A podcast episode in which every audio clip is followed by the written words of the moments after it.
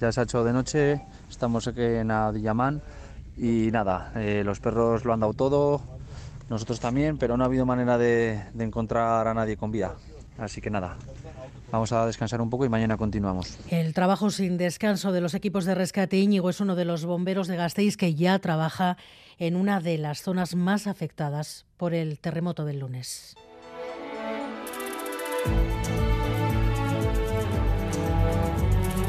Gambara con Arancha García.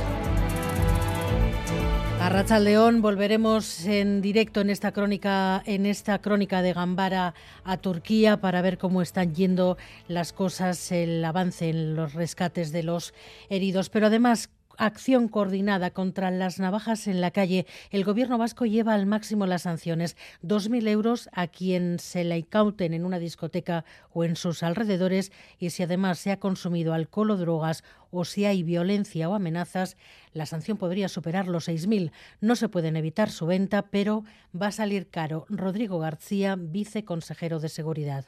Le va a salir caro salir caro su uso. Si es un arma reglamentada en un ámbito público, en un ámbito en el que hay concentración de personas, o en un ámbito de ocio, le va a costar 2.000 euros. Si la persona que la aporta está bajo la influencia de las bebidas alcohólicas o de las drogas, pues será 3.000. En el caso de que la exhiba o amenace con ella, pues 4.000.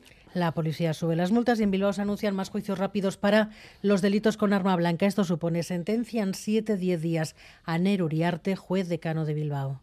Yo la reunión que tuve con el alcalde me trasladó la intención de eh, promover más juicios rápidos. El cambio eh, consiste o consistirá en que nos empezarán a llegar atestados con juicio rápido porque el cuerpo policial hará un esfuerzo para que esté todo ese día.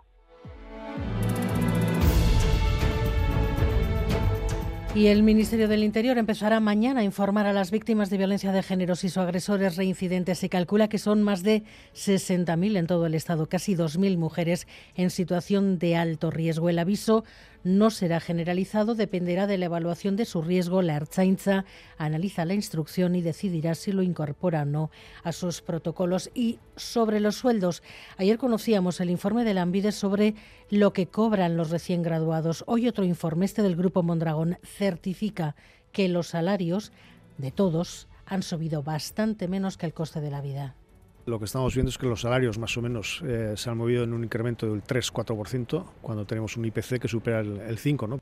En ese debate terciado hoy, la consejera de Desarrollo Económico, tras el informe de la UPV que denunciaba lo poco que cobran en Euskadi los universitarios al terminar la carrera, Arancha Tapia matiza, el análisis no es tan sencillo, hay que ver lo que se cobra cuando pasa el tiempo y también lo que pasa con los sueldos de otros países. Inguruan zer dagoen, zenbat kostatzen da etxe bizitza, zen motatako zerbitzuak daude, osasuna, hezkuntza, zenbat kostatzen zaigu erosketak egitea. Agian esaten diate, bueno, ba, Singapurren gehi ordaintzen da, edo Alemanin gehi ordaintzen da, egia da, baina bizikalitatea nolakoa da, eta kostuak zenbatekoa dira. Ze guztia jartzen degunean, maila berdinean, bagian diferentzia ez da inbestekoa. Trece años después, el Constitucional ha blindado el derecho al aborto. Ha tenido que cambiar la mayoría. El sector progresista ha rechazado el recurso del PP a la ley de plazos que aprobó el gobierno Zapatero. Una década larga ha estado el tema en el Constitucional y hoy, tras el fallo, el PP de 2023 se desmarca del recurso que puso el PP de 2004. Que una ley de plazos bien construida es una ley correcta en términos generales y, por tanto, es un planteamiento que merece mi respeto.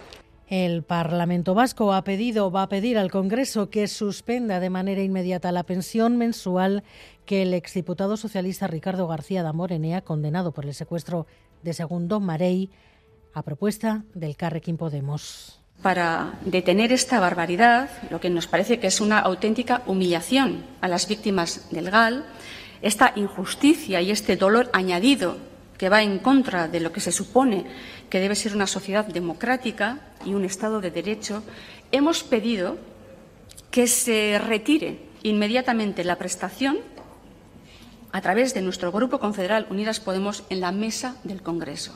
En la mesa del Congreso hemos registrado esta petición. Londres, París y hoy Bruselas. El presidente Zelensky se ha reunido esta tarde con los líderes de los 27 tras escuchar primero a la presidenta del Parlamento Europeo pedir cazas de combate para Ucrania y después de él insistir en que el futuro de su país está en la Unión Europea. Європу дбаємо про European way of life. Я дякую всім вам. Я запрошую всіх вас в Україну. Слава усім українцям і українкам, хто у бою. Слава Україні! Con aplausos, Zelensky en el Parlamento Europeo. Vamos con los deportes. Asir Carea, Arrachaldeón. Arrachaldeón en golf a las 10 y 18 minutos de esta noche comienza a competir John Ram en el Phoenix Open, muy cerca de su casa en Arizona. Torneo que le falta al de Barrica en su palmarés y con el que podría recuperar el número uno del mundo. Y en fútbol, Imanol Alguacil parece ver la luz al final del túnel. El técnico Riotarra podría recuperar a Miquel Merino, a Ander Guevara y a Alex Sola para visitar el lunes al español.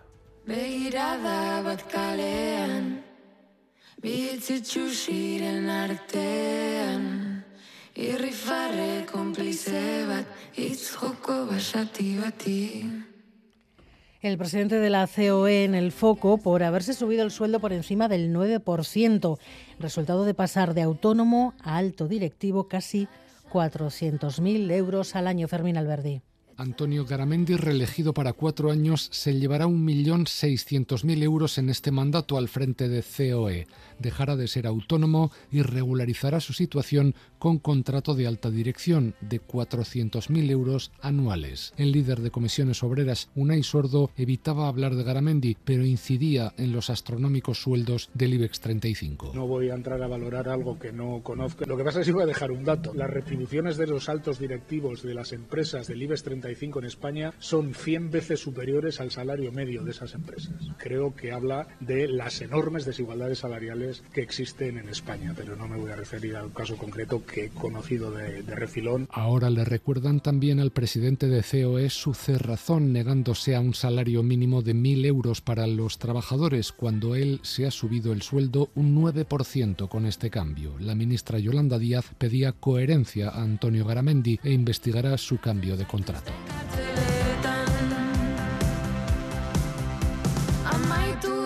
Alberto Zubelde y Miguel Ortiz están en la dirección técnica, Cristina Vázquez en la producción.